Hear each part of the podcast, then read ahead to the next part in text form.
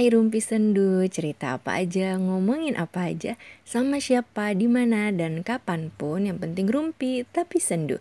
Biar syahdu nggak kalah sama malam minggu, apa pun itu aku sayang kamu. Eh sobat sendu udah pada makan belum? Malam mingguannya sama siapa nih? Pastinya bukan sama aku. Soalnya ternyata yang dengerin podcast aku tuh dengerinnya gak pada malam minggu. Kayak percuma gitu gak sih gue punya podcast? Tagline-nya bawa-bawa malam minggu. Ada yang dengerinnya hari Senin pas di kantor. Ada yang dengerinnya kalau kesepian doang. Ada yang dengerin sore-sore kalau hujan. Ada juga yang dengerinnya abis sholat subuh. Mungkin dikata rumpi sendu siraman rohani kali ya. Jadi dengerinnya pas sholat subuh. Tapi ya udahlah ya daripada ntar ada yang komen bersyukur Anda Jihan ada yang dengerin ya. Mari kita akhiri saja opening pengeluhan episode podcast yang ke-57 ini. Baru opening udah mengeluh ya, say. Lebih baik bersyukur ya, udah mau 3 tahun podcast Rumpi Sendu, episodenya malam ini udah sampai ke 57. Walaupun terseok-seok tapi bisa tetap jalan itu kan luar biasa itu. Mari kita syukuri. Kalau dalam hubungan tuh ya, 3 tahun itu ibaratnya udah bisa bikin online shop bareng. Susah senang susah senang selalu bersama gitu tapi apakah semua orang yang hubungannya langgeng sampai bertahun-tahun itu pada bahagia? Iya. Apalagi di zaman sekarang kan banyak banget istilah-istilah dalam uh, relationship dan tindakan-tindakan manipulatif dalam menjalin asmara. Kayak orang-orang polos dan lempeng kayak gue tuh kayak ngerasa, ya ampun, mengapa jatuh cinta dan bercinta kini begitu rumit dan penuh taktik manipulasi ya kan? Duh, bisa gak sih orang-orang ini yang biasa-biasa aja gitu hidupnya? Aku cinta kamu, aku juga cinta sama kamu. Yuk kita mam es krim patungan, kan indah ya, simpel aja gitu. Nggak kayak sekarang itu loh, tiap hari ada aja kasus di Twitter, di Facebook, di Instagram baik dari lingkungan kita sendiri sampai kisah-kisah dari orang yang kita tuh nggak kenal sama sekali. Tapi kita jadi ikut berpikir tentang masalah hidup mereka gitu. Terus berandai-andai aduh gimana kalau itu terjadi padaku? Terus jadi khawatir sendiri dan mengintrogasi uh, orang-orang terdekat sehingga membuat kita akhirnya nggak bahagia. Nah malam ini aku pengen ngajak ngobrol kalian tentang salah satu dari istilah-istilah manipulasi dalam hubungan itu sobat sendu. Jadi ada gaslighting, ada iklan.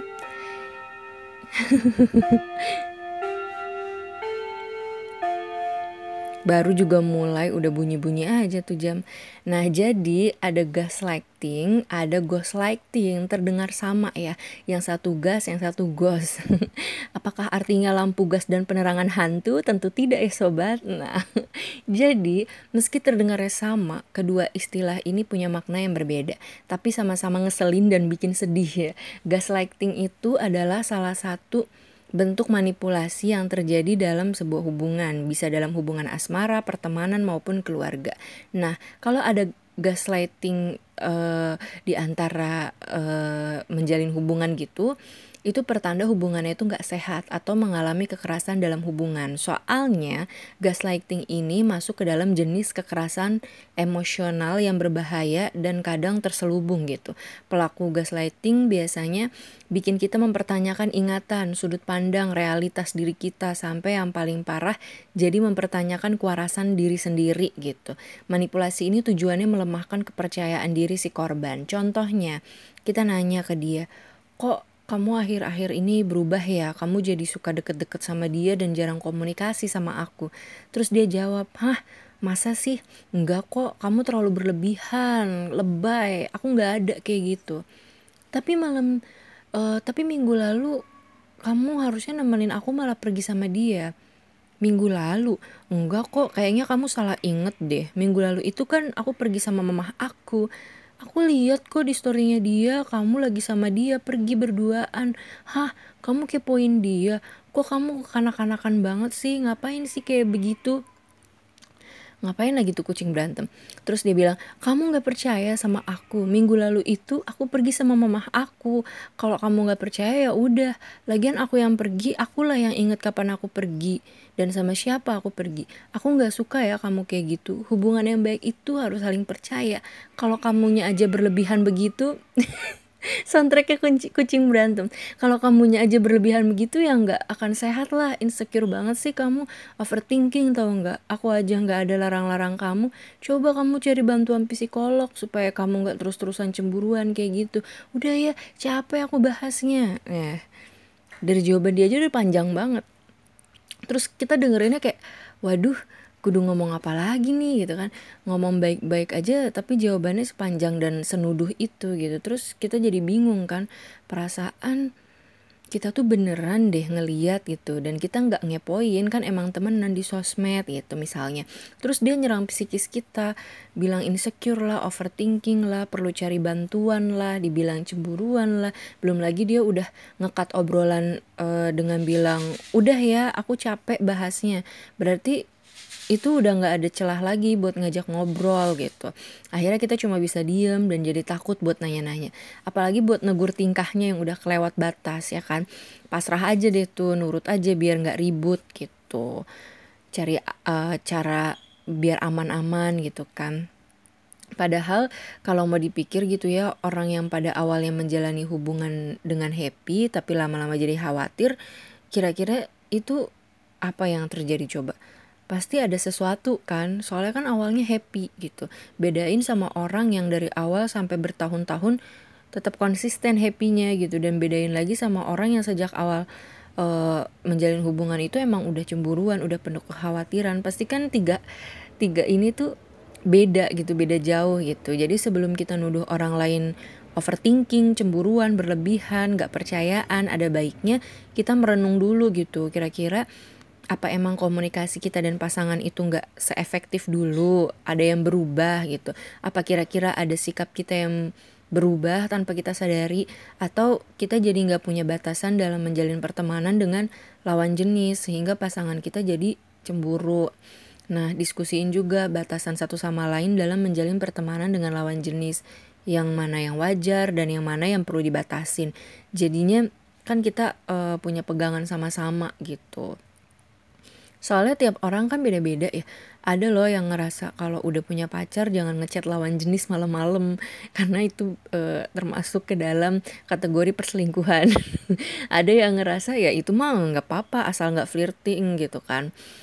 Terus ada juga yang ngerasa genit-genit itu nggak apa-apa yang penting cintanya jelas sama kita.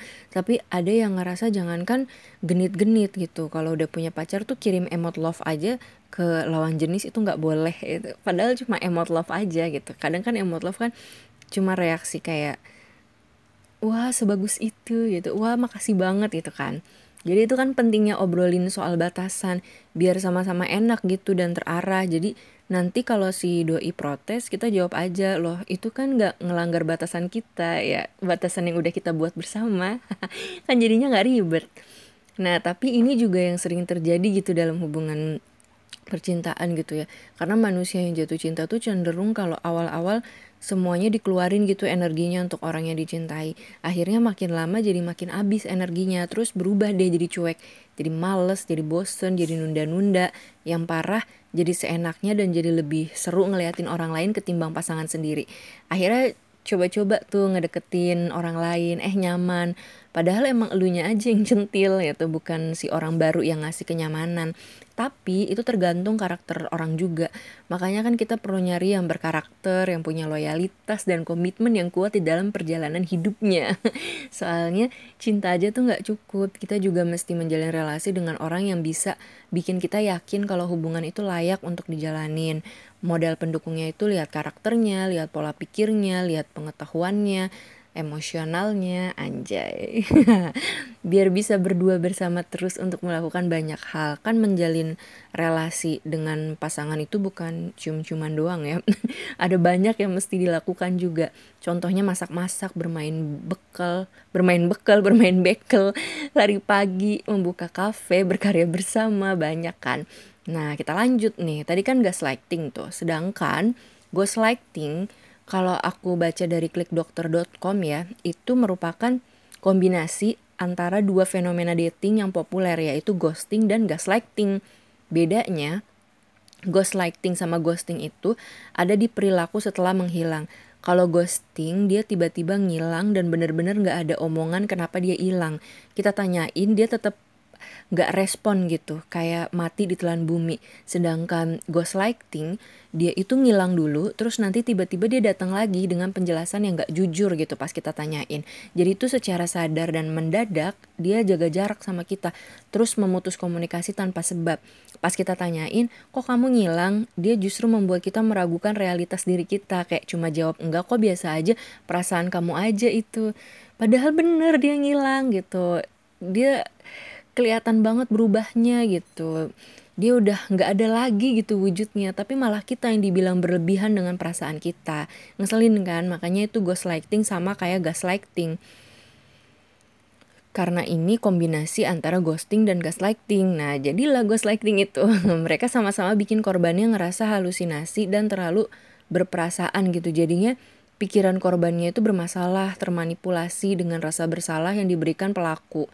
Padahal si korban gak melakukan kesalahan apa-apa. Orang mutusin kita tanpa sebab aja kita kebingungan ya nyalahin diri sendiri gitu. Apalagi ini udah ghosting pas ditanya kenapa ngilang, eh malah kita yang dijadikan kambing hitam gitu supaya dia bebas dari rasa tanggung jawab apa pun.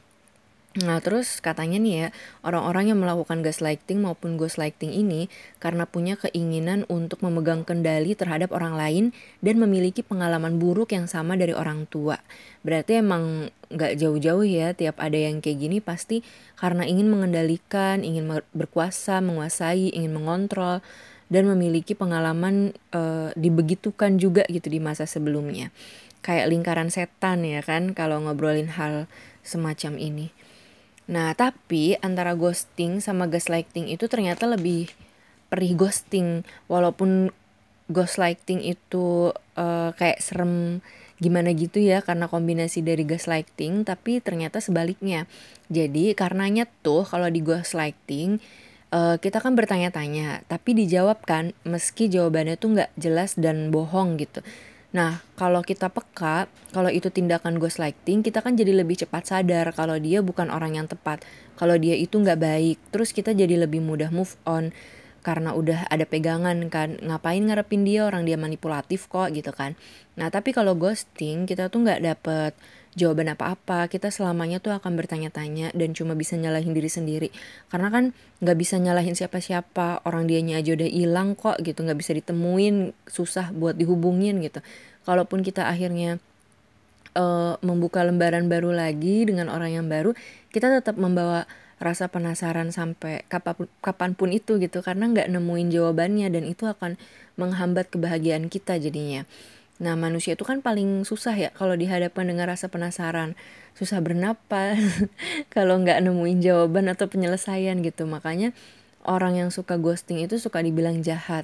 Balik lagi ke ghostlighting, biasanya mereka tuh kelihatan gitu ciri-cirinya. Contohnya tuh kayak di awal-awal hubungan udah kelihatan tanda-tanda playing victim atau menghindari masalah, lari dari tanggung jawab sekecil apa pun itu. Terus biasanya pelaku ghostlighting itu sama kayak love bombing uh, suka memberi perhatian berlebih. Cuma bedanya kalau love bombing itu kan terus-terusan ya sampai nanti udah dapet yang dia mau baru tuh dimanipulasi gitu.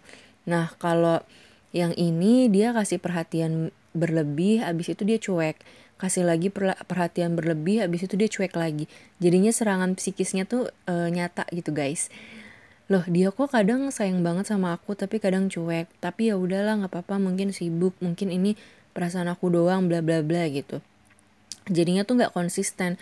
Kalau yang sadar tuh uh, itu tuh bikin kita tuh jadi mempertanyakan sebenarnya dia tuh gimana sih. Tapi kalau nggak sadar dengan hal itu gitu dengan ketidakkonsistenan itu ya udah jadinya enjoy aja gitu kan. Biasanya kalau udah ada pikiran dan perasaan nggak enak kayak gini tuh emang udah ada hal yang nggak beres ya. Jadi jangan didiamin aja mesti dicari kepastiannya gitu supaya nggak terjebak. Kalau bisa lari langsung lari aja sobat sendu. Lebih baik perih di awal daripada perih di akhir nah lagian biasanya tuh yang sungguh-sungguh bisa dipercaya adalah orang-orang yang konsisten gitu maksudnya tuh yang memperlakukan orang lain secara konsisten misal dia orang uh, orangnya perhatian. Nah, sampai kapan pun dia akan perhatian. Dia orangnya baik. Sampai kapan pun dia akan baik gitu. Nggak berlebihan gitu loh. Nggak tarik ulur. Karena emang karakternya dia itu baik. Karakternya dia tuh perhatian gitu. Misal dia penyayang. Mau kondisi apa pun tetap akan terasa penyayang. Karena karakternya emang begitu. Beda sama yang niatan buruk atau manipulatif. Dia akan tarik ulur atau berlebihan supaya kita tuh terkesan gitu nanti akhirnya dia berubah dia lama-lama nah sering denger juga tuh dari dulu kalau orang mau dapetin pacar pasti deh ada aja yang nyaranin buat nurutin semua permintaannya si doi gitu. Ngeladenin si doi membanjiri si doi dengan perhatian. Pokoknya tindakan-tindakan berlebihan dan buang-buang energi gitulah. Nah makanya pas udah dapet kebanyakan tuh uh, jadi berubah gitu. Jadi nggak perhatian nggak berasa sayangnya nggak terlihat peduli gitu. Karena emang karakter aslinya nggak seperti di awal itu. Jadi bentuk kasih sayangnya tuh udah berubah gitu karena awalnya kan dia fokus kan gimana nih caranya biar bisa dapet harus bikin dia nyaman lah harus dia bikin dia seneng lah gitu kan nah begitu udah dapet ya udah jadi diri sendiri udah ngerasa seneng ah udah dapet ini santai aja gitu kan loh ternyata aslinya love language-nya dia tuh sentuhan fisik gitu sementara dulu yang dilakukan ke si calon pacar adalah love language-nya afirmasi. Nah, jadi ribut. Kamu kok berubah? Kamu nggak kayak waktu awal PDKT. Kok kamu udah nggak pernah muji aku lagi sih gitu. Nggak kayak waktu awal PDKT kerjanya tiap hari selalu bikin aku senyum-senyum, selalu bikin aku merasa dicintai. Sekarang kerjaan kamu cuma grepe-grepe aja, ya. Yeah. Terus dia jawab, ih astagfirullah, bukan grepe-grepe tapi love language aku itu physical touch.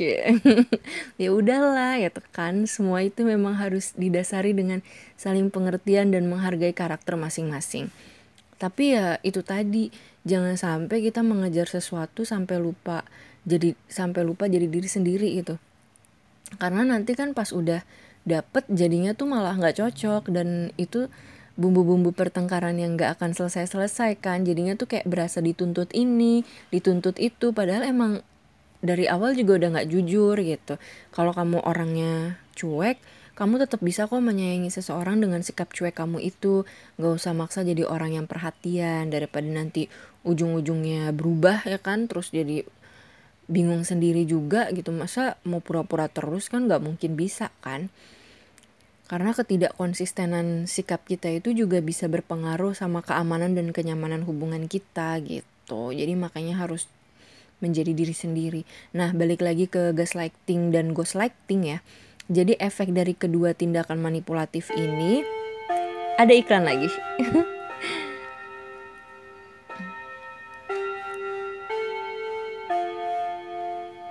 teng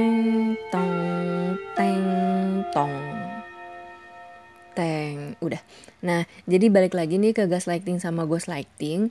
Efek dari kedua tindakan manipulatif ini, selain bikin korbannya mempertanyakan diri sendiri, mereka juga bikin korbannya merasa menyesal dan jadi minta maaf terus ke pelaku, merasa takut, terus merasa harus memperbaiki hubungan karena si korban ini udah kayak jadi troublemaker gitu kan. Nah, aku baca dari website Yayasan Pulih katanya tuh orang yang melakukan tindak manipulatif itu punya indikasi yaitu pelaku akan membuat kita takut dan akan menggunakan agresi untuk memperkuat posisinya kayak mengancam, melakukan kekerasan, mengintimidasi, playing victim, bertingkah seolah dia korban.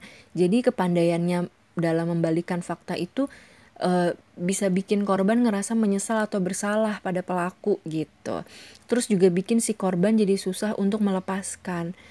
Pasti ya semua tindakan manipulatif tuh pasti bikin korbannya tuh susah untuk melepaskan.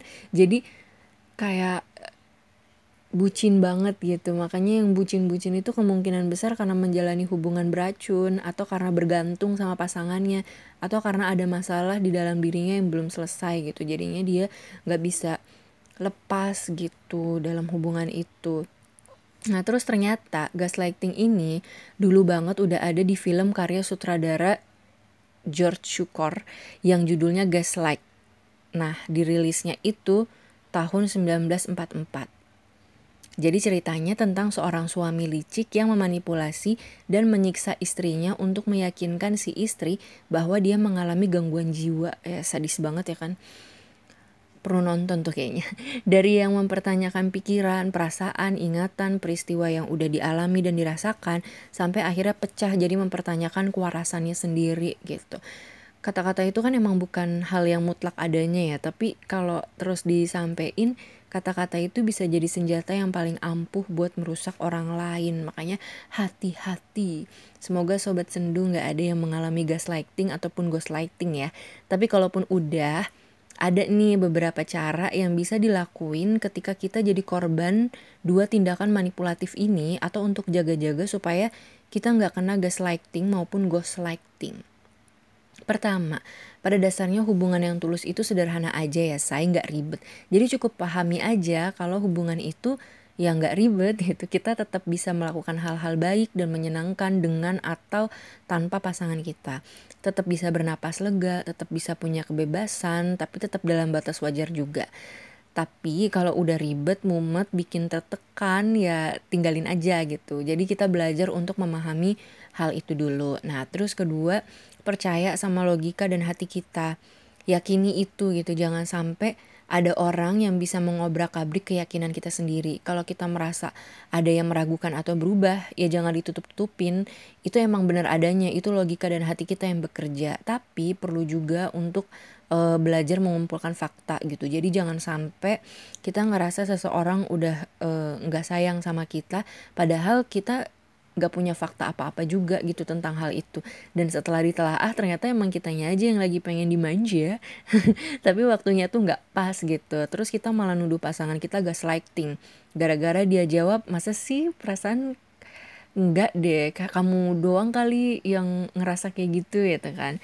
Gara-gara ada podcast ini akhirnya jadi mikir oh jangan-jangan selama ini pacar aku gaslighting jangan-jangan selama ini dia love bombing jangan-jangan selama ini dia ini. Karena udah terlalu banyak materi-materi tentang eh, hal-hal kayak gini kan jadinya malah bikin khawatir. Nah terus abis itu uh, lanjut jadi kita harus tetap bersikap netral gitu ya. Menjaga emosi menjaga pikiran dan menambah sudut pandang. Jangan sampai malah kita yang nuduh-nuduh juga gitu. Harus tetap stay cool. Nah terus yang ketiga uh, tetap belajar menghargai diri sendiri. Kita perlu tahu batasan-batasan kita, termasuk kapan kita terus berjuang dan kapan kita harus menyerah gitu. Apalagi dalam hubungan yang gak jelas, gak usah lah ya terlalu keras. Nah yang terakhir, pulihkan diri. Bisa dengan melatih diri untuk produktif, bisa dengan melakukan hal-hal yang menyenangkan dan seru, bisa juga dengan bertemu sama support system kita. Sampai akhirnya kita kembali memiliki kepercayaan diri dan positive vibes ya kan. Semangat buat pejuang asmara aja. Semoga dimudahkan segala urusannya ya. Oke, sampai sini dulu ya ngerumpinya. Makasih banget udah mau dengerin podcast aku. Sampai ketemu lagi di Rumpi Sendu selanjutnya. Rumpi Sendu, cerita apa aja, ngomongin apa aja, sama siapa, di mana dan kapan pun yang penting rumpi, tapi sendu. Biar syahdu nggak kalah sama malam minggu. Apa pun itu, aku sayang kamu. Dadah.